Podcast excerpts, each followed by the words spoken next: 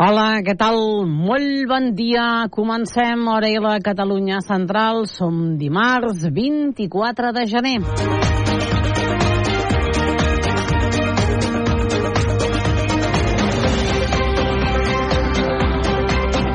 Dimecres.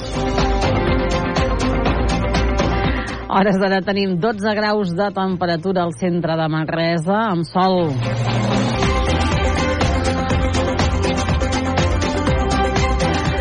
Avui els hi explico què tindrem en aquest hora en la Catalunya Central. Primer de tot, eh, farem notícies, repassarem l'actualitat d'aquesta jornada, d'aquest dimecres 24 de gener. Avui nosaltres en aquest programa parlarem i en aquest cas escoltarem l'entrevista que ha mantingut la nostra companya amb la Montse Guiu a través d'un llibre. Explica com va viure el dolorós procés de la pèrdua de l'amor de la seva vida, la seva mare. Avui, doncs, escoltarem aquesta història de la Montse Guiu de la mà de la nostra companya, la Tània Rodríguez. Ens anirem avui fins a Monistrol de Montserrat. Aquests dies estan de festa. De fet, ja fa uns quants dies, el cap de setmana passat, celebraven aquest acte tan tradicional que tenen a Monistrol de Montserrat, coincidint amb Sant Sebastià, amb aquest vot de poble, amb el Vall del Babó. Doncs continuen de festa, i és que aquest cap de setmana arriba una altra de les festes tradicionals de Monistrol de Montserrat, com és els Romeus. Per això, avui hem convidat, en aquest cas, a un dels directors directors de, que fa possible aquests Romeus de Monistrol de Montserrat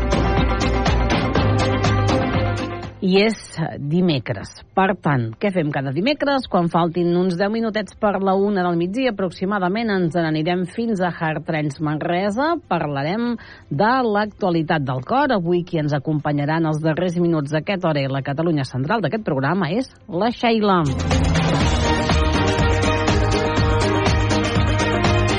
Continuarem tenint un cor molt reial, ja ho veuran. I, doncs, notícies.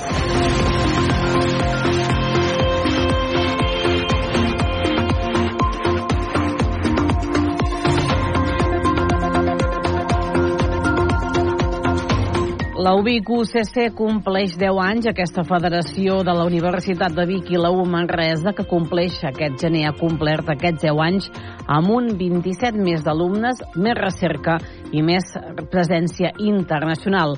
La presentació, la roda de premsa de valoració va tenir lloc ahir a Manresa. És una crònica de la nostra companya, la Tània Rodríguez. La UBIC UCC compleix 10 anys amb un 27% més d'alumnes, més recerca i més presència internacional, i impartint actualment 71 titulacions oficials. Aquest és el balanç dels 10 anys de la federació entre la Fundació Universitària Balmes i la Fundació Universitària del Bages, que va donar lloc a la Universitat de Vic, Universitat Central de Catalunya. Segons Jordi Baget, director general de la Fundació Universitària Balmes, el nombre d'alumnes ha crescut un 26,8% i s'ha arribat als 19.302 estudiants. En docència s'ha passat de les 65 titulacions a 71. També s'ha incrementat el personal docent i investigador, els grups de recerca, i s'ha guanyat reconeixement internacional. Pel que fa a la procedència dels estudiants, és rellevant la presència d'estudiants procedents de les comarques de l'entorn més immediat dels dos campus. En aquests moments, a la universitat, podríem dir que pràcticament un de cada dos estudiants que tenim matriculats eh, són de l'àrea de l'àmbit de la Catalunya Central o de les comarques comarques si, si hi afegim el Vallès, el Vallès Oriental. Eh? Per tant, estem fent un servei. Un servei de què? D'oferir noves oportunitats eh, a joves que potser ho tindrien més difícil d'anar i de desplaçar-se a altres llocs i ara es poden quedar aquí, per tant estem oferint això, però ara ja no està en això, sinó que és també eh, les, la universitat com a fons d'atracció i captació de talent i oportunitats som font d'atracció de talent i, i volem retenir aquest talent en el territori. De la seva banda, el director general de la Fundació Universitària del Bages, Antoni Llobet, ha recordat les reticències i els dubtes que hi havia al voltant de l'acord entre les dues fundacions. En aquest sentit, i més enllà de les xifres, asseguren que l'acord federatiu ha permès enfortir i estructurar l'oferta acadèmica entorn de determinats àmbits de coneixement, com són la salut, l'educació o l'empresa, entre altres. Segons quins objectius no es podrien aconseguir sense aquest acord. És a dir, evidentment, la Universitat de Vic, la Fundació Universitària Balmes ja era titular d'una universitat, la Universitat de Vic, i per tant podia continuar funcionant la Universitat de Vic. La Fundació Universitària del Bages era titular de dues escoles universitàries amb estudis adscrits a la Universitat Autònoma de Barcelona i podíem anar eh, treballant, però és evident que sense aquesta suma el que no es podria és aconseguir una universitat pròpia del conjunt de la Catalunya Central i per tant una universitat d'un dels territoris fora de l'entorn de Barcelona, igual que els territoris de Lleida, de Girona, de Tarragona, Reus. Per tant, això va configurar la possibilitat de fer una, una universitat de tot el territori de la Catalunya Central, amb el que això, amb el que això suposa. Posar la base perquè el creixement fos molt superior amb el temps que la suma de les dues FUPs, eh? és a dir, eh, evidentment en el primer moment va ser sumar la Fundació Universitària Bages i la Fundació Universitària Balmes, sumar els números, evidentment, eh, la història ens ha demostrat que el fet de tenir aquesta musculatura molt més ampliada ha possibilitat multiplicar-se. La creació de la Fundació d'Estudis Superiors en Ciències de la Salut és una de les principals fites de la Federació. Es va constituir el 2015 per donar cobertura jurídica a la Facultat de Medicina de la UBIC UCC. La creació de dues entitats docents, una a Vic i una a Manresa, ha reforçat la voluntat de proximitat i implantació territorial Mundial dels Estudis. La universitat ha anunciat que farà tres actes per celebrar els 10 anys. El primer serà el 30 de gener, amb una audiència al Parlament. El 2 de febrer es farà un acte institucional al campus de Manresa, amb la presència de l'actual conseller de Recerca i Universitat, Joaquim Nadal. I el 8 de febrer es farà un acte al campus de Vic, que comptarà amb la presència de qui era conseller quan es va signar l'acord, Andreu Mascolell. El Laura Vilagrà és des d'ahir la nova vicepresidenta del govern de la Generalitat de Catalunya. President de la Generalitat, Pere Aragonès, ha nomenat la fins ara consellera de la presidència, Laura Vilagrà, com a nova vicepresidenta de l'executiu. La Santpedorenca era des del maig del 2021 i fins ara consellera de la presidència del govern de la Generalitat. En el seu currículum polític, Vilagrà hi té l'haver estat alcaldessa de Santpedor entre 2003 i 2015, diputada al Parlament de la vuitena i novena legislatures i ha ocupat altres càrrecs territorials com a membre d'Esquerra Republicana de Catalunya i en l'àmbit de la gerència. Aquest canvi de govern, el tercer que fa Aragonès durant els seus gairebé 3 anys de mandat, l'ha anunciat durant una compareixença aquest dimarts a Palau, on ha argumentat els canvis de cara a reforçar l'estructura ja existent de l'executiu. Hem decidit reforçar el que són els àmbits de govern que hauran d'exercir un paper fonamental en aquest àmbit.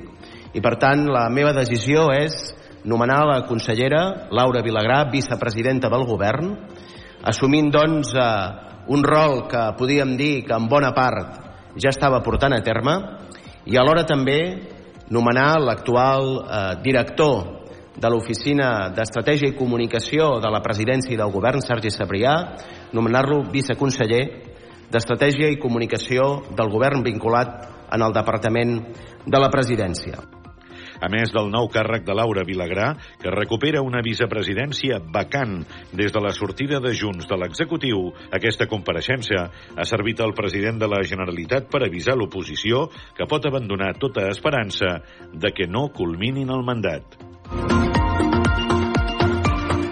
David Serrano ha guanyat l'11è Premi Planes d'Investigació Periodística per l'assaig Edward Bayman, una història universal. El professor de comunicació de la Universitat Ramon Llull, David Serrano, és el guanyador de l'11è Premi Josep Maria Planes d'Investigació Periodística pel llibre Getguamne, una història universal. El guardó és convocat per la demarcació Catalunya Central del Col·legi de Periodistes de Catalunya, amb el suport de l'Ajuntament de Manresa i està dotat amb 1.000 euros. Als anys 30 del segle XX, més de la meitat de la població del poble de Getguamne, a Polònia, eren jueus. Uns anys més tard, el 10 de juliol del 1941, tots ells van morir assassinats no pels nazis, sinó a mans dels seus veïns catòlics. Aquesta és la història del volum, amb epíleg de Joaquim Noguero, que recull sis anys de recerca en vuit països diferents, sis arxius internacionals i més d'un centenar d'entrevistes a tot el món. El jurat ha decidit també atorgar una menció especial als periodistes de la directa Jesús Rodríguez, Gemma Garcia i David Bou pel reportatge Una policia s'infiltra tres anys en els moviments populars de Girona per la capacitat dels seus autors de destapar una infiltració policial i per les dificultats que això suposa. També s'ha valorat l'impacte social i polític que ha tingut la informació publicada. El Premi Josep Maria Planes té per objectiu reivindicar el periodisme d'investigació i mantenir viu el llegat i la memòria del Manresà, pioner en el periodisme d'investigació a Catalunya del 1907 al 1936. El Premi Planes es lliurarà el dimecres 31 de gener a les 7 de la tarda a la sala d'actes del Centre Cultural del Casino de Manresa.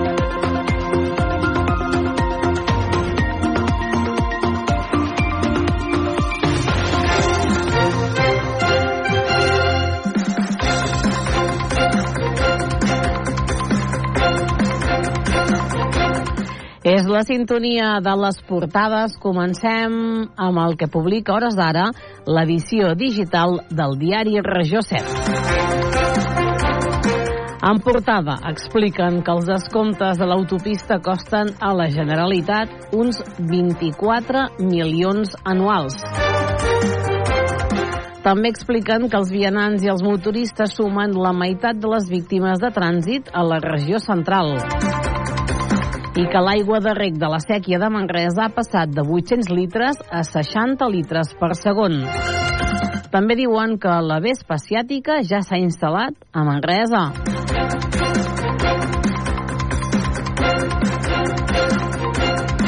Anem fins la comarca del Berguedà, anem fins l'aquí Berguedà. Titulen Berga, capital del patrimoni de la humanitat, la ciutat acull una trobada de gestors de tota Catalunya. Uns 80 tècnics en gestió de patrimoni de tot l'Estat es reuneixen a Berga per parlar dels reptes d'aquest sector.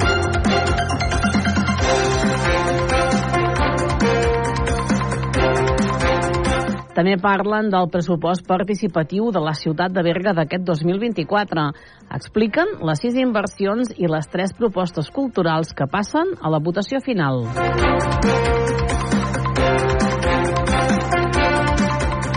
Continuem i ens anem fins al Solsonès fins al Nació Digital Solsona, que explica que el ple de Solsona votarà sol·licitar a la Generalitat el traspàs d'un tram de la carretera de la Llosa del Cavall.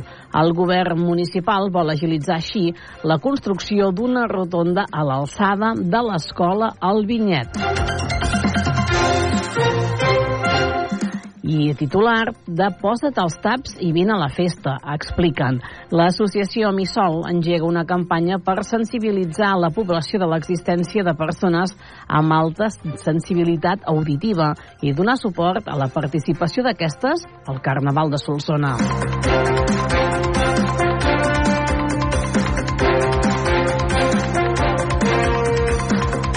Anem fins l'infonoia.cat. Anem, doncs, fins a la comarca de la Noia, on l'Infonoia destaca en portada que estudiants de Calaf, estudiants de Calaf es converteixen en caçadors de les geminades, de les geminades amb motiu del Dia del Punt Volat, que precisament se celebra avui, 24 de gener.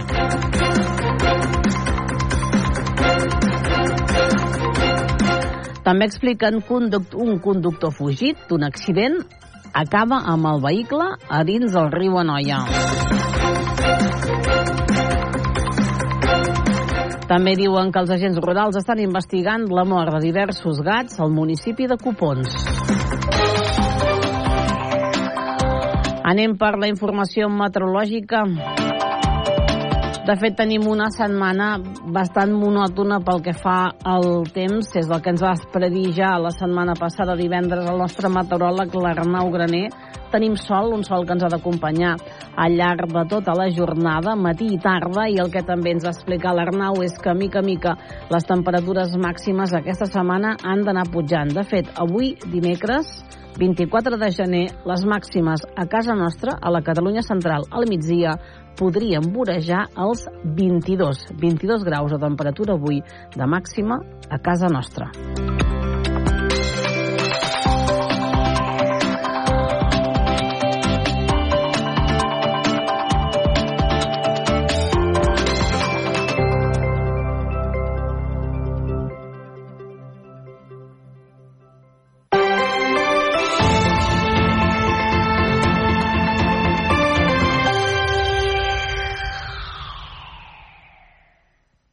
Busques una perruqueria que realment es preocupi per la salut del teu cabell? Amb productes 100% vegans.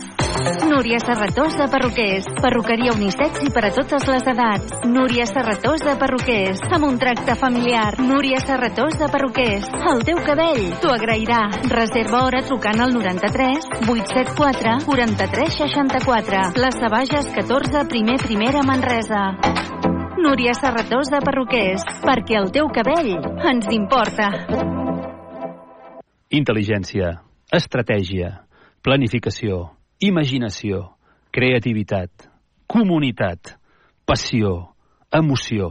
Els escacs, molt més que un simple joc. Ona d'Escacs, un programa de ràdio setmanal per estar al dia de totes les novetats escaquístiques de la Catalunya Central.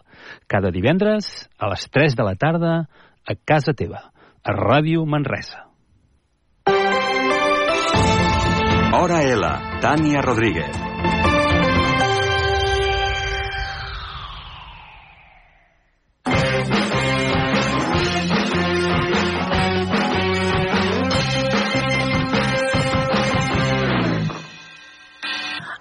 Parlar d'una història personal que s'ha acabat convertint en un llibre, Primeres persones. I per això hem convidat al programa a la seva autora, a la, a la Montse Guiu. Molt benvinguda, Montse. Gràcies, Tània, per convidar-me al programa. Bé, Montse, en el teu cas ets comunicadora de professió, però ara has debutat en el món literari amb aquesta primera novel·la, Primeres persones. Explica'ns una miqueta quin és el fil argumental de la novel·la.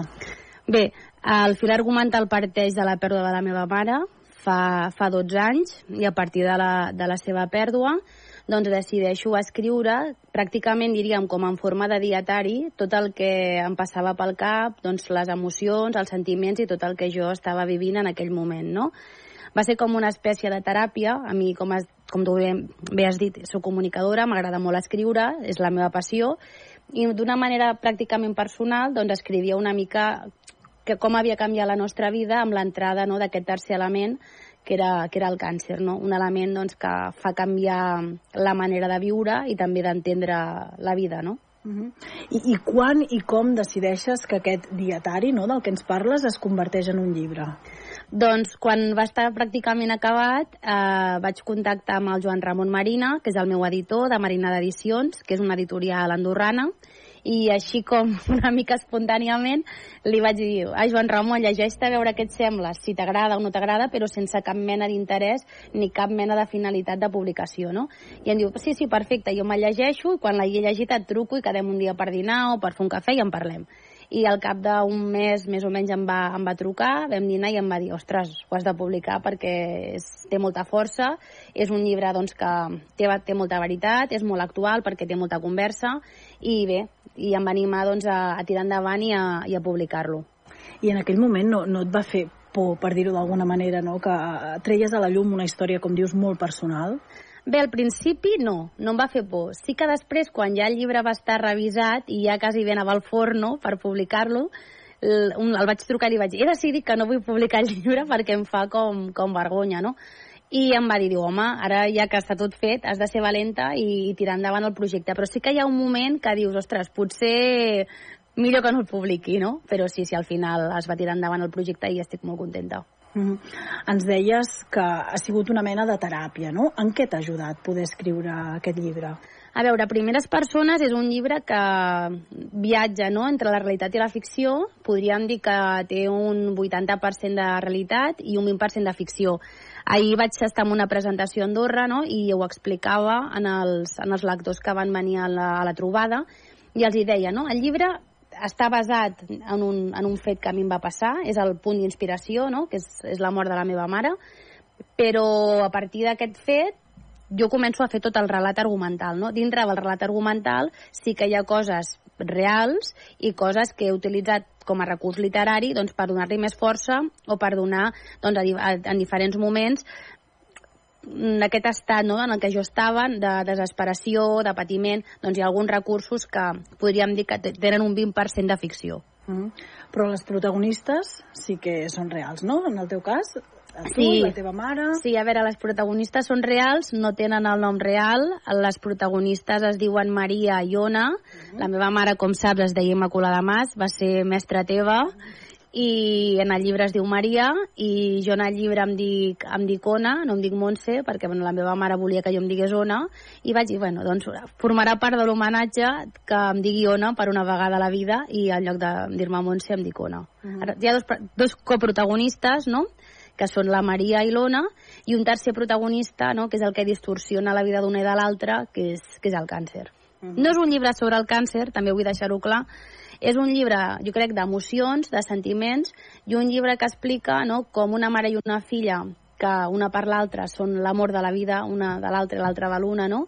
Perquè jo sempre he dit que la meva mare va, ha sigut l'amor de la meva vida per la seva manera de ser, tu la vas conèixer, era una persona hiperenèrgica, explosiva, sempre acostumada, no? Va, amb 40 anys de professió com a mestra va tenir pràcticament més de 300 alumnes, molt acostumada no? a tractar amb gent jove i això la feia doncs, que sempre tingués aquesta empatia i aquesta vitalitat a l'hora de viure. No? Uh -huh. I llavors, doncs, eh, una mica doncs, és aquesta manera de aquest xoc, no?, de com aquesta persona, no?, en aquest cas la meva mare, que ha ocupat tant a la teva vida, com superes, com vius, doncs que cada dia doncs, que la tens una miqueta menys però no és un llibre sobre el càncer, és un llibre més sobre emocions, sobre sentiments, sobre amor, però no és un llibre del càncer, ni tampoc és un llibre trist. Uh -huh. Per com parles de la teva mare, teníeu un vincle molt, molt fort, no? Com, com va canviar en el moment en què li donen el diagnòstic a la teva mare, la Immaculada? Com, com canvia la, la vostra vida, la teva i la de la família? Mm a la meva mare li detecten el primer càncer quan jo tenia 21 anys i la meva mare mor quan jo en tenia pràcticament 28. Va estar 7 anys lluitant contra el càncer. Va ser un xoc mm, molt gran per, per tots. Jo crec que per la que menys per ella, perquè ella era una persona que vivia la vida d'una manera sempre molt, molt positiva i crec que sempre ens acabàvem animant més ella a nosaltres que nosaltres a ella, no? I clar, va canviar perquè, bueno, que el càncer té els seus efectes en el físic de la persona i també en la, en la manera de viure, no? Hi ha un tractament, hi ha un tractament que malauradament et cau el cabell, et deteriora físicament, no? I bueno, és una acceptació quasi bé molt dura i diària, no? El càncer et fa viure el dia a dia, no? El, bueno, ara tens el tractament, has d'anar al metge, a veure què et diu, una mica el dia a dia, no? Tampoc sense crear-te molt, moltes expectatives perquè tampoc et permet aquesta malaltia crear-te moltes expectatives. Mm -hmm. Entenc que al llarg d'aquests set anys de, de lluita um, deus haver passat per processos i estats d'ànim molt diferents. Mm. Què ha estat el més dur? Home, el més dur ha sigut al final, no? El saber que aquesta persona que, que ha sigut tot, no? Doncs un dia deixa de ser-hi i has d'aprendre a viure sense, sense ella, no? Jo sempre, ahir, ahir ho deia també a Andorra, no? que jo crec que durant molts anys de la meva vida vaig vivir a través d'ella, no? d'aquesta mare mestra enèrgica, que anaves amb ella pel carrer i tothom l'abraçava, els alumnes, Inma, tal qual, no? I era com l'acompanyant, no? I era com la secundària que veia, no? Aquesta mare que t'atreia tant, no? I llavors el dia que ella se'n va has d'aprendre a viure sense aquesta llum, no? Sense aquesta mare que té aquesta força i és com un tornar pràcticament a descobrir-te i un tornar a néixer sense, aquella cosa que tanta falta et fa. Uh -huh. I això ha condicionat el teu futur? Sí que l'ha condicionat perquè jo crec que um, la, la mort de la meva mare em va ensenyar tres coses. No? Una, una és que um, qui són els teus amics, no? els amics de veritat, els amics que són família, i qui són els coneguts, no? Em va ensenyar a que en un problema tan gran, no?, o en un moment en el que tu estàs tan malament, que és aquesta pèrdua, qui realment està al teu costat, no?, quins han sigut els amics per viatjar i per passar-t'ho bé, no?, mm i quins han sigut els amics que han estat allà, que t'han abraçat, que han estat amb tu, que t'han escoltat. Això va ser una lliçó.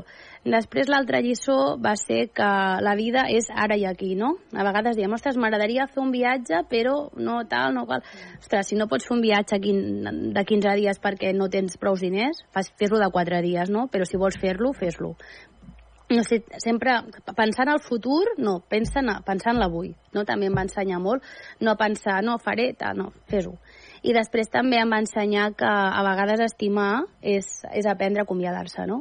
Mm. Perquè a vegades estimar també és saber deixar anar, és saber pues, que en el meu cas, no? que vaig tenir una mare excepcional, sempre he dit que mai, mai hagués pogut tenir una mare més perfecta, i érem ànimes bessones amb tot, és que ens enteníem amb una mirada, tu ja la coneixies, tot el per... En personalitat. en, persona, en personalitat i com era, i, i clar, per mi ha sigut, va ser màxima, i estimar també a vegades és aprendre a acomiadar-se. Mm.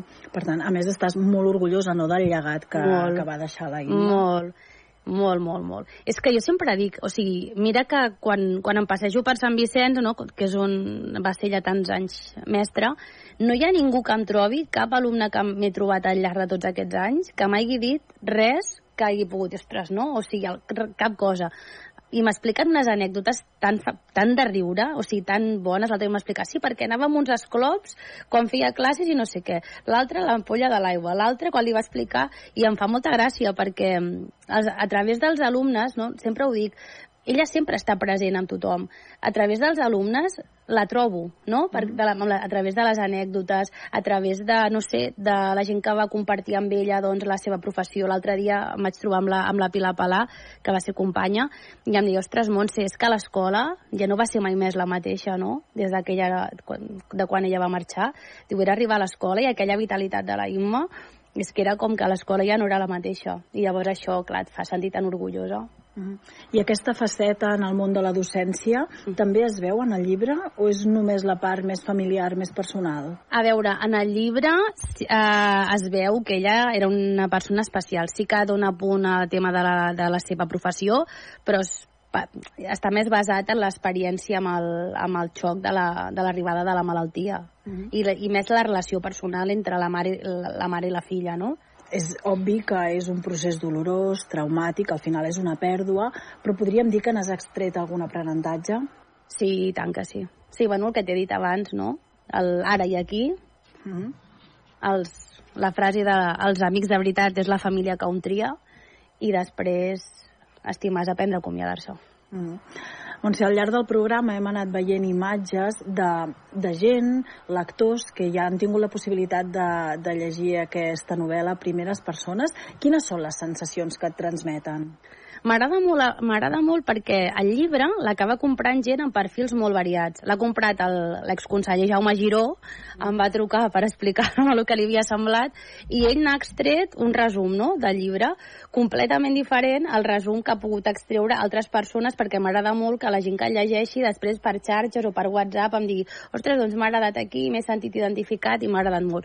I el que més m'agrada del Primeres Persones és que compra el llibre gent molt variada i tothom se'l fa molt seu en base a la seva pròpia experiència, no?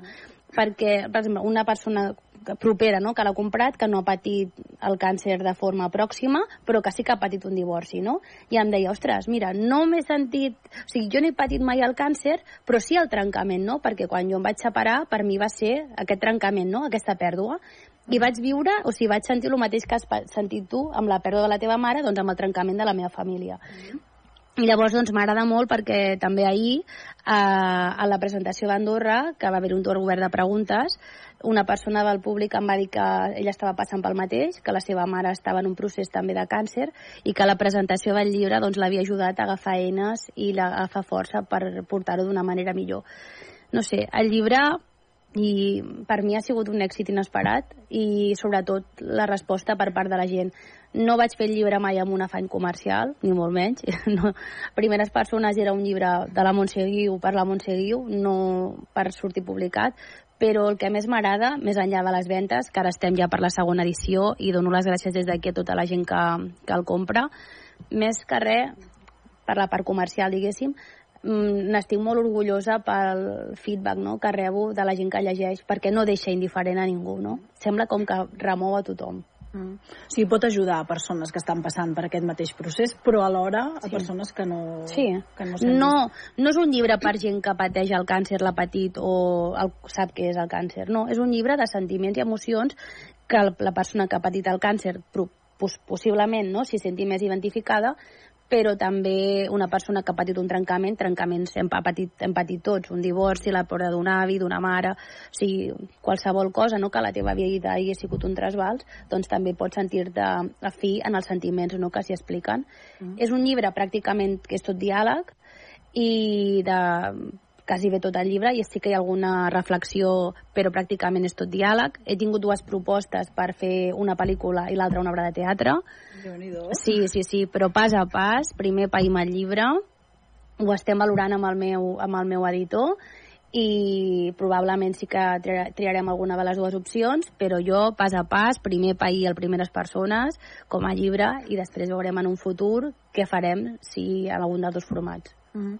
Ens parlaves d'una presentació a Andorra, també s'ha presentat a Sant Vicenç de Castellet, però el novembre eh, va sortir a la llum i la primera presentació va ser a Andorra, precisament. Per què vas triar Andorra? Quina és la teva vinculació?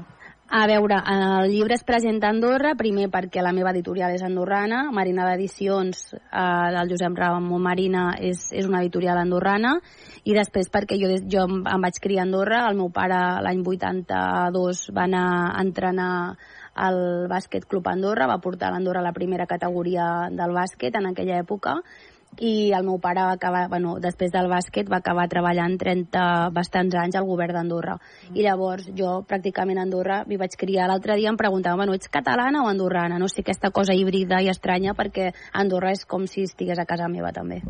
Uh -huh. uh, Montse, aquesta és la primera novel·la, dèiem que has debutat en el món literari. N'hi hauran més? Sí, hi ha un projecte damunt de la taula que probablement veurà la llum a finals del 2024. No tardaré tant com l'altre, que he estat set anys. Aquest serà, serà més ràpid. I sí, sí, hi ha un projecte ja damunt de la taula que probablement veurà la llum al novembre-desembre del 2024. Però anem per la mateixa línia o no té res a veure? Mm, serà diferent. No es pot avançar encara, No, eh? tindrà alguna cosa a veure, però no parlarà de la mateixa temàtica. Però alguna cosa a veure tindrà. Doncs Montse, no sé si vols dir a algú que als telespectadors què, què, què té d'especial Primeres Persones, no? per animar aquella, aquella gent que encara no se l'han llegit. Ens deies que ja aneu per la segona edició, però potser n'hi hauran properes, no? Mm, Què, què té d'especial?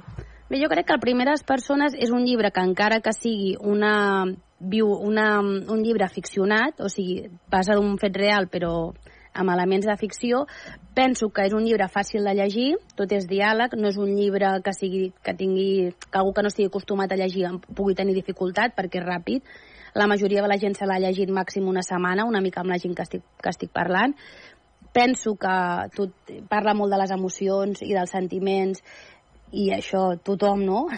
ho viu d'una manera o d'una altra i després també mm, també penso que és un llibre doncs, que, que sí, que hi ha gent que passa pel mateix procés i que també pot ajudar no? a les persones que, que potser es, es puguin sentir més properes en el relat no? del, del tercer element, que és, que és el càncer.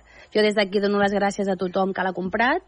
Es pot comprar aquí al Bages, a Sant Vicenç de Castellet, a la llibreria Clavé, i després aquí a Manresa, a la llibreria Parcir, i després a altres llocs de Catalunya doncs, en diferents punts i a Andorra també, però aquí al Bages hi ha aquests dos punts de, de venda i des d'aquí agrair a tots els lectors doncs, la confiança no? que fan a l'hora de comprar-lo i sobretot també doncs, aquest feedback que rep que per mi és el, és el millor regal que em pot donar el Primeres Persones i el millor homenatge no? que pot tenir la Maria del Primeres Persones i la Immaculada a la vida real. Doncs Montse, moltíssimes gràcies i molta sort, tot i que Sí. sembla que no la necessites, eh? que ja Bueno. està, això ja està encarrilat. Eh? Bueno, jo des d'aquí vull donar-te les gràcies, Tània. La veritat, l'entrevista ha sigut molt especial per mi, perquè, no sé, que m'entrevisti algú que la meva mare va ser la seva mestra, doncs encara fa més especial tot això. I res, i gràcies per convidar-me. Moltes gràcies a tu i res dir que, que la Imma, com deies, no, no deixava ningú indiferent. Moltes gràcies. Gràcies.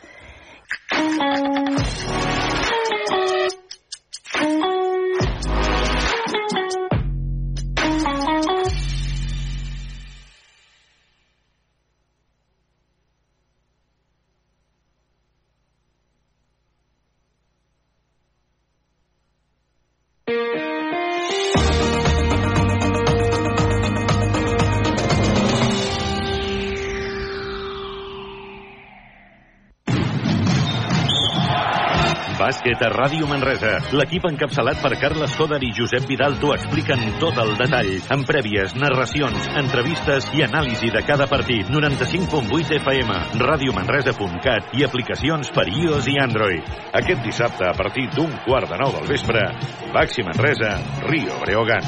Amb el patrocini d'Equívoc Albert Disseny, la taverna del Pinxo, Expert Joanola Fotomaton, Control, Frankfurt Cal Xavi, GST Plus, Viatges Massaners i Clínica La Dental Doctora Marín. El cap li girava. Subministren energia i ara ens ajuden a produir-la! No! Doncs sí, i es diu autoconsum. Instal·lació, finançament i autoconsum compartit. Comunitats de veïns, unifamiliars i empreses. Benvinguts a la revolució energètica. Factorenergia.cat Per fi hi ha un altre llum. Factor Energia. Empresa col·laboradora amb la Barcelona Equestrian Challenge. Els i les comuns han tingut un paper molt important a l'hora de desjudicialitzar la política. Per parlar sobre amnistia i el nou escenari que significa per Catalunya, organitzen un cicle de debats arreu del país i aquest divendres 26 de gener a les 7 de la tarda tindrà lloc una sessió a Manresa a l'espai Òmnium amb la presència de Jaume Sens i Jessica Albiach. L'acte estarà moderat pel periodista de Regió 7, Enric Badia. Ens agradarà molt comptar amb la teva presència. T'hi esperem. Hora L, Catalunya Central. Eli Pagant. Nosaltres ara ens en volem anar fins a Monistrol de Montserrat i que aquests dies estan de festa. De fet, ja fa dies, perquè cap de setmana ha tingut lloc també, per exemple, un dels actes més tradicionals, com és el Vall del Babó, perquè estan en aquesta festa major, però que cap de setmana arriba un altre dels punts importants, que és la festa dels Romeus.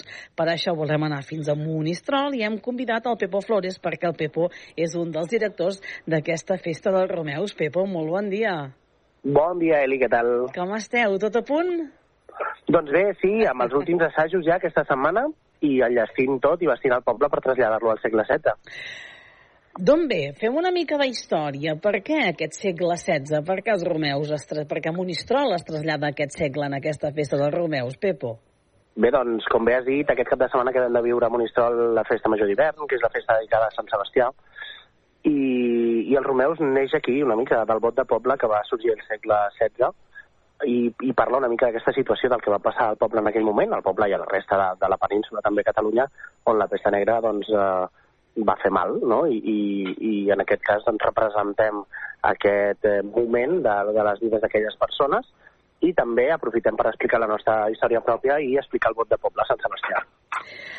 Novetats, s'han preparat novetats per a la festa dels Romeus d'enguany, Pepo. Sí, hi ha escenes noves, eh, un nou espectacle final, l'hem canviat en comptes de que sigui el diumenge, l'hem posat el dissabte, perquè és un dia on pots tenir més gent, més públic, perquè el diumenge, vulguis que no, el dia següent és un dia laborable normal, els nens i les nenes també van a l'escola, i llavors l'hem canviat a dissabte perquè pugui haver més afluència de, de gent. Escenes noves, nova direcció, una altra manera de veure les coses, com sempre, i una mica el que ens espera aquest, aquest Romeus és això. Què hi trobarem? Explica'ns. Què és el que heu preparat per enguany? Ara parlaves de les novetats, però els visitants que vinguin a Monistrol aquest cap de setmana, sí. què s'hi trobaran? Doncs s'hi trobaran un dia complet. És a dir, eh, des d'un mercat, no? que hi haurà un mercat literal amb parades d'artesania, menjar, etc etc, amb més de 20 parades, i llavors el que tenen, que és el gruix de la, de la festa, és eh, doncs, espectacles teatralitzats durant tot el dia explicant la quotidianitat d'aquella època, d'aquelles vides, d'aquelles persones d'aquell moment. No? Pel matí sí que és cert que veiem una mica més el quotidià, les feines, els treballs típics d'aquell moment, una mica això, i a la tarda veiem com ja arriba la pesta, a les 3 de la tarda fem una, una arribada alegòrica de la pesta bubònica, d'aquesta pesta negra, i cap a la tarda les escenes s'enfosqueixen tot una mica perquè ja són escenes que parlen ja amb la pesta com a element principal. Uh -huh. um, Posa'ns un exemple, per exemple, d'aquesta quotidianitat, d'aquestes escenes de dissabte al matí, uh -huh. Pepo. El dissabte al matí des pots trobar a les dones que estaven fent el safreig, a un grup de uh, nobles i pobres al mercat, pots trobar l'horta hivernal, pots trobar uns amants que s'acaben de conèixer i ella és noble i ell és pobre però uh -huh. s'estimen molt i expliquen una mica una història d'amor dins d'aquest segle. Uh -huh. L'amor prohibit. Molt I com, com es representa la, la pesta, deies, eh? La mort també, que de forma també del que, que és el que comportava també, doncs, uh Mhm. -huh. malauradament la, la pesta. Evidentment, a la tarda, eh, dins de dir, a l'interior del poble, podríem veure empastats i empastades caracteritzats com a tal, és a dir, gent amb, amb els bubons malignes, i el que fem és que a les 3 de la tarda, tant el dissabte com el diumenge, fem l'arribada de la pesta. I això vol dir que de manera alegòrica fem una arribada, doncs això, amb fum negre, amb banderes negres, eh, fem una arribada amb unes ballarines de contemporani que van dins com un una massa eh, de tela que es va movent fent un recorregut com si fos la pesta bubònica avançant per dins del poble. Un dels elements més característics, potser quan tothom o molls pensem en els romeus, uh -huh. Pepo, són aquestes màscares. Uh -huh. Què són? Les metges, correcte. Exacte, Doncs són les màscares que utilitzaven els metges per protegir-se d'aquesta pesta, no? Tenien un bec una mica allargat i en aquest bec hi posaven doncs, herbes que eh, els protegien, o els consideraven que els protegien d'aquesta pesta bubònica. Al final, realment, el que passava és que al no tenir un contacte directe amb, amb, amb els fluxos que, que hi havia entre els pacients i ells, doncs sí que realment els protegia. I també fem una arribada als metges. Mhm. Igual que fem una arribada de la pesta a les 3 de la tarda, a les 3 i mitja també arriben els metges des de fora de, de muralles cap a l'interior del poble. Tot això, Pepo, vol dir mobilitzar moltíssima gent, totes aquestes, sí. no, aquestes teatralitzacions per explicar tot, tot, tot aquest fet. Pepo, quanta gent moveu, per exemple, amb aquest cap de setmana, doncs, a, moureu aquest cap de setmana a Monistrol?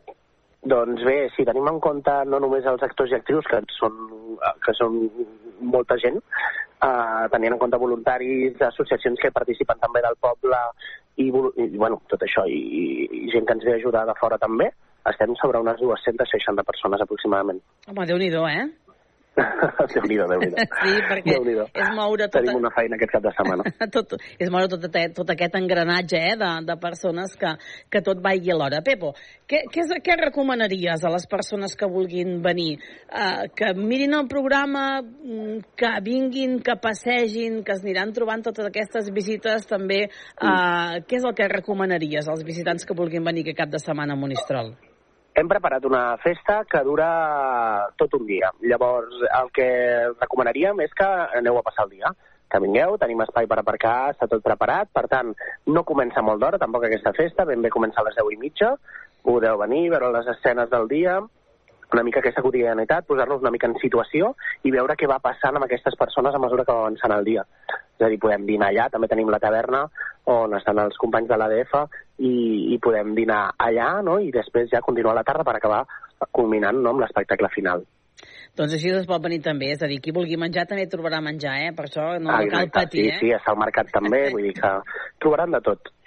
Doncs avui nosaltres li agraïm molt amb el Pepo Flores, com hem dit, és ell un dels directors d'aquesta Festa dels Romeus que arriba novament aquest cap de setmana a Monistrol de Montserrat. Pepo, moltes gràcies. A vosaltres, sempre. Que vagi tot molt bé. Adéu-siau. Gràcies, Eli. Adéu, adéu.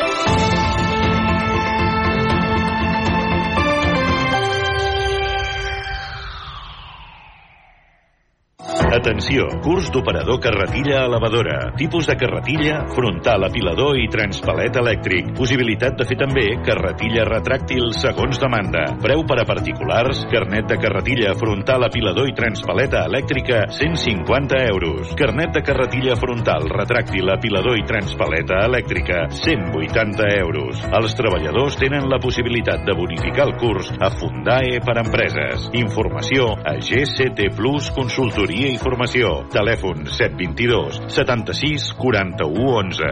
E-mail formació arroba gctplus.com. Bàsquet a Ràdio Manresa. L'equip encapçalat per Carles Coder i Josep Vidal t'ho expliquen tot el detall, amb prèvies, narracions, entrevistes i anàlisi de cada partit. 95.8 FM, radiomanresa.cat i aplicacions per iOS i Android. Aquest dissabte, a partir d'un quart de nou del vespre, Baxi Manresa, Rio Breogan. Amb el patrocini d'Equívoc Albert Disseny, la taverna del Pinxo, Expert Joanola Fotomaton, Control, Frankfurt Cal Xavi, GCT Plus, Viatges Massaners i Clínica La Dental Doctora Marín.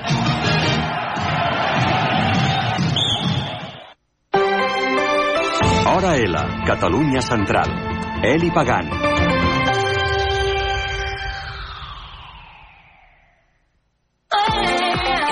High Trends Manresa, carrer Girona 30, 93 874 89 63. La vida és massa curta per portar un cabell avorrit. High Trends Manresa patrocina l'actualitat del cor. 11 minuts i arribem a la una del migdia. Ens n'anem com cada dimecres a aquesta hora fins a Hair Trends Manresa i saludem a la Sheila. Avui, Sheila, què tal? Com estem? Molt bé, aquí aprofitant el solet. Avui ens sí, eh? El, el, el solet i la calor, perquè sí. segons el Servei Meteorològic de Catalunya, al migdia avui podríem arribar als 22. Jo crec que avui no hi arribarem, perquè de moment encara no estem tan alts, però entre avui no, i demà podrem passejar amb màniga curta, em sembla, al, al, Sí. al migdia. Com dèiem, tot bé? Esteu bé? Ja hem- Tot bé, Tot sí. bé, és fantàstic, eh? Escolta, no sé si... Avui jo deia, quan hem presentat l'Hora i la Catalunya Central, que, de fet, ja portem uns quants dies que les revistes del Cort és tot molta reialesa, molta monarquia, per totes bandes, eh? Des de la d'aquí, la de Dinamarca, poder quedarem una mica farts ja de tot això, eh?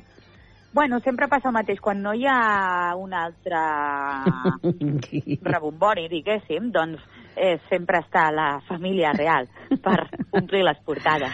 Uh, les portades d'avui, per exemple, uh, la de lectures se'ns en va a Dinamarca, publica la història d'amor on es van conèixer fa dos anys a Federico de Dinamarca i la Genoveva, posa su història d'amor, aquesta és la portada de la revista Lectures, també parlen de Uh, aquestes lectures. Uh, Lola parla que la infanta Cristina i Iñaki Urdangarín sembla que ja estarien completament uh, divorciats. També la portada general Sí. és la guapíssima i el Zapataki, que a mi ja m'agradaria ser aquesta, aquesta dona. I el 10 minutos, no, el 10 minutos va per una altra banda i parla que ta mare uh, com va ser el seu pla de, de primar-se i de detox, suposo allò abans de... Mare meva, Abans de casar. es va casar ja. No ho sé. Ja, sí, el plan de Iñaki Urdangarín i Tamara eh, para a Iñaki Urdangarín, Íñigo Nieva i la Tamara para adelgazarse. Bueno, ja està, s'han aprimat, ja està, aviam, eh, no sé. Doncs mira, no devien dona tenir... No, no devien ni dir, és que No tenien. no tenien més No, no notícies. omplir. doncs uh, Lola No. se'ns en va amb l'Elsa Pataki uh, amb això, eh? Diu, uh, su fórmula, la fórmula Pataki, belleza y cuidado y amor. No sé si és una fórmula, una fórmula màgica i el que et dèiem, I eh? Dinero? Sí, claro, dinero i sí, sí, sí, dinero, mucho, muy, no sé, potser ho fa viure, viure, viure a Austràlia. I, així, I llavors sí que ens centrem a lectures que parla de la història, teòricament, aquesta història d'amor de Genoveva, que sàpigues que si la seguies a la xarxa social, no sé si la seguies a Instagram, jo no, uh, ha deixat Instagram, la Genoveva. Es veu que ja no vol saber ah. res i ha deixat... Uh, perquè es veu que va fer un comentari després també del casament de... Ai, del casament, jo també, de la proclamació com a rei de Dinamarca del Federico. I sí. uh, ahir vaig llegir, ara no sé on, uh, la vida que porta aquesta senyora. Aquesta senyora viu en un, aquest pis que teòricament el van veure dormir amb el Federico, que se'l van portar a dormir a casa seva, no està a nom seu, el paga l'ex, sí. és a dir, el, el Cayetano, eh, el de la casa d'Alba, són 3.000 euros, més de 3.000 euros al mes, em sembla, posava que valia el lloguer, uh, o més, potser devia veure més, perquè 3.000 euros al mes per Madrid tampoc no deu ser tant, no? Amb aquell lloc Home, exclusiu. no, per ells no. I, Per ells no. I que es veu que va de... Em va fer molta gràcia això, va de caceria en caceria. Aviam, és a dir, no sé, tu dius, vaig a buscar nòvio, per exemple, no? Sí. Jo què sé, vaig a buscar parella, tinc ganes de, no, de, de trobar algú. Tu on aniries? Jo, pues, a una discoteca, ah, no? exacte, A un bar, a on va. Doncs no, ells van, aquesta gent va de cacera. Es veu, és el que vaig... Sí, es veu, es veu que és el que fa la Genoveva. Uh, aquesta noia, uh, es veu que, a banda que aquestes caceres tu per anar-hi has de, has de fluixar pasta gansa. Pasta gansa vol Sí. dir que per anar a una cacera d'aquestes diu que, tu, que potser hauries de fluixar com 20.000 euros. Ah, molt bé. Ah, perquè molt bé. però llavors... Per trobar nòvio, però això no és trobar parella, és comprar-la. Clar, però es veu que ella no, els té, que ella no té aquests diners, representa. Llavors hi va de convidada. Va de convidada i així és amb una d'aquestes caceres es veu que va conèixer eh, el Federico aquest, el Federic de Dinamarca, que, aquest, que aquesta gent es veu que són molt, eh, molt habituals en aquestes eh, caceres. I en aquest mar doncs, va conèixer aquest senyor i aquí va que, que va començar la història d'amor que es va acabar fa 15 dies, bueno, quan fa 3 setmanes, quan van dir que havia de ser rei de Dinamarca. No sé si, com, si continuarà sent la mistansada o no continuarà sent la mistansada del, del rei de Dinamarca. De Dinamarca. Doncs mira, si ja ho saps, apunta tu. Bueno, no, no, no cal, no, eh? No. no, no, no, no, no, no, no. 20.000 euros em dona per molt, m'entens? Amb 20.000 euros podria ser com una del zapatac.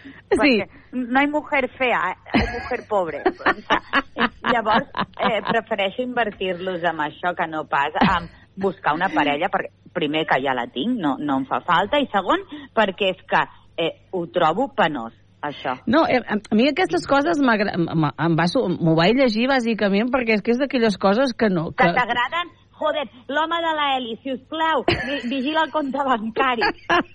No, no, però... Atenció. Vull dir que és un altre món, és a dir, a mi no se m'acudiria mai que aquesta gent, és a dir, que aquesta gent es distreuen amb aquestes coses anant de cacera, saps? És, a mi com això és, és l'època aquella victoriana que anaven de cacera les, no, l'aristocràcia, doncs es veu que ho continuen fent en, aquest, en aquests marcs, no? I llavors aquí es deuen moure unes quantitats ingents de calés i coses d'aquestes. Em va fer gràcia llegir-ho perquè ve pensant ni que fóssim l'edat mitjana, això es veu que es continua, es continua fent. Que es continua portant. Què en fem d'en Jaime Molt. Peñafiel, Sheila? Perquè aquest senyor desparra com Que una... jubili. Sí.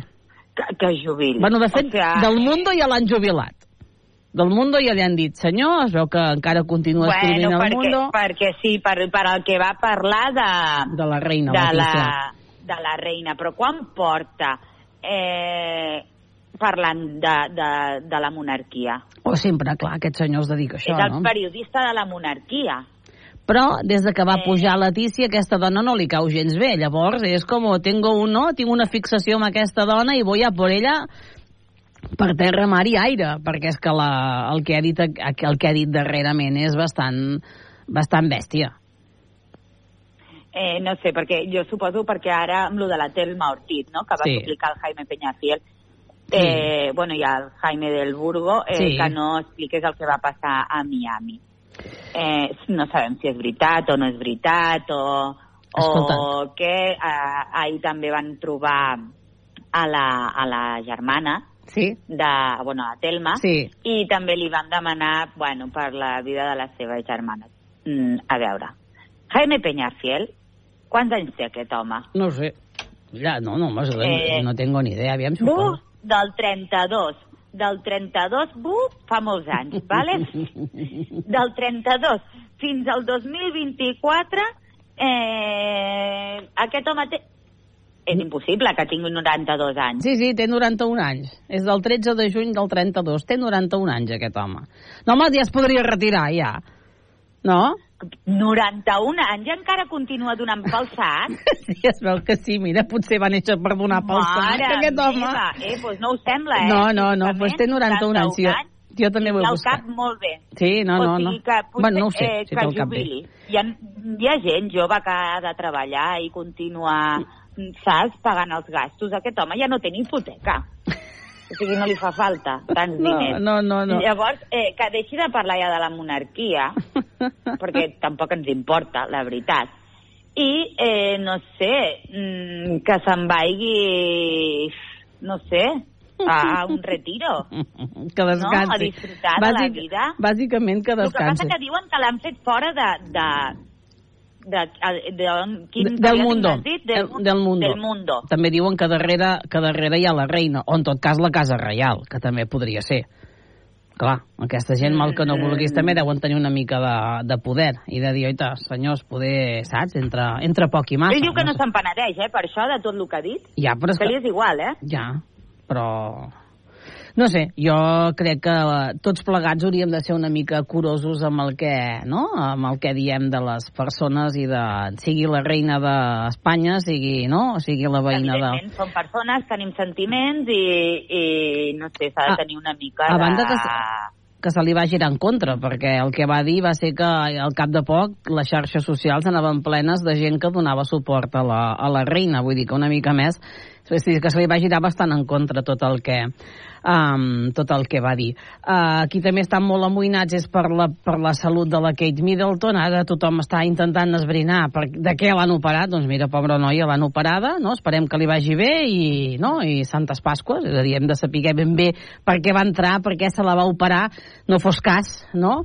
Uh, doncs continua encara la, la recuperació i sembla doncs que Ana Obregón ha deixat el ja d'anada, no? Ara ja va vistosa perquè diu que ja, no? Que sí. aquest look de color vermell i explica doncs per què ha deixat d'anar de, de dol.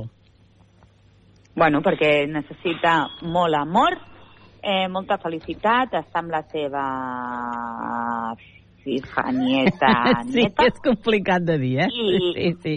Sí, que, i que, bueno, i que la vida continua endavant i em sembla molt bé, no perquè vagis de negre vol No, dir que no, trobes no. més a falta una persona o menys, No, no, no. ja és de antany, Sí, perquè jo crec que I, perdre un fill no. està molt feliç. Escolta. No, no té res a veure. Arribem a la una, Digue'm. Sheila. Parlem la setmana vinent? Molt bé. Que vagi tot molt Moltes bé, boniques. gràcies. Adéu-siau. Fins la setmana que ve. Adéu, adéu. La una, fins demà. ciudad fronteriza con Ucrania asegura que todos los ocupantes del aparato han muerto, pero no está claro, de hecho Ucrania lo niega, que dentro, además de los, nueve, dentro, miembros además de, de los nueve miembros de la tripulación, viajaran 65 prisioneros ucranianos. Antonio Martín. Sí, el Ministerio de Exteriores de Rusia habla ya de un acto de terrorismo del que acusa directamente a Ucrania y en paralelo el presidente del Parlamento ruso ha pedido explicaciones al Congreso de Estados Unidos y al Bundestag alemán por si esos países tuvieran información sobre el accidente. Según la versión de Moscú, a bordo viajaban 74 personas, 65 de ellas prisioneros ucranianos que iban a ser intercambiados. Han recogido vecinos de las localidades cercanas el momento del impacto.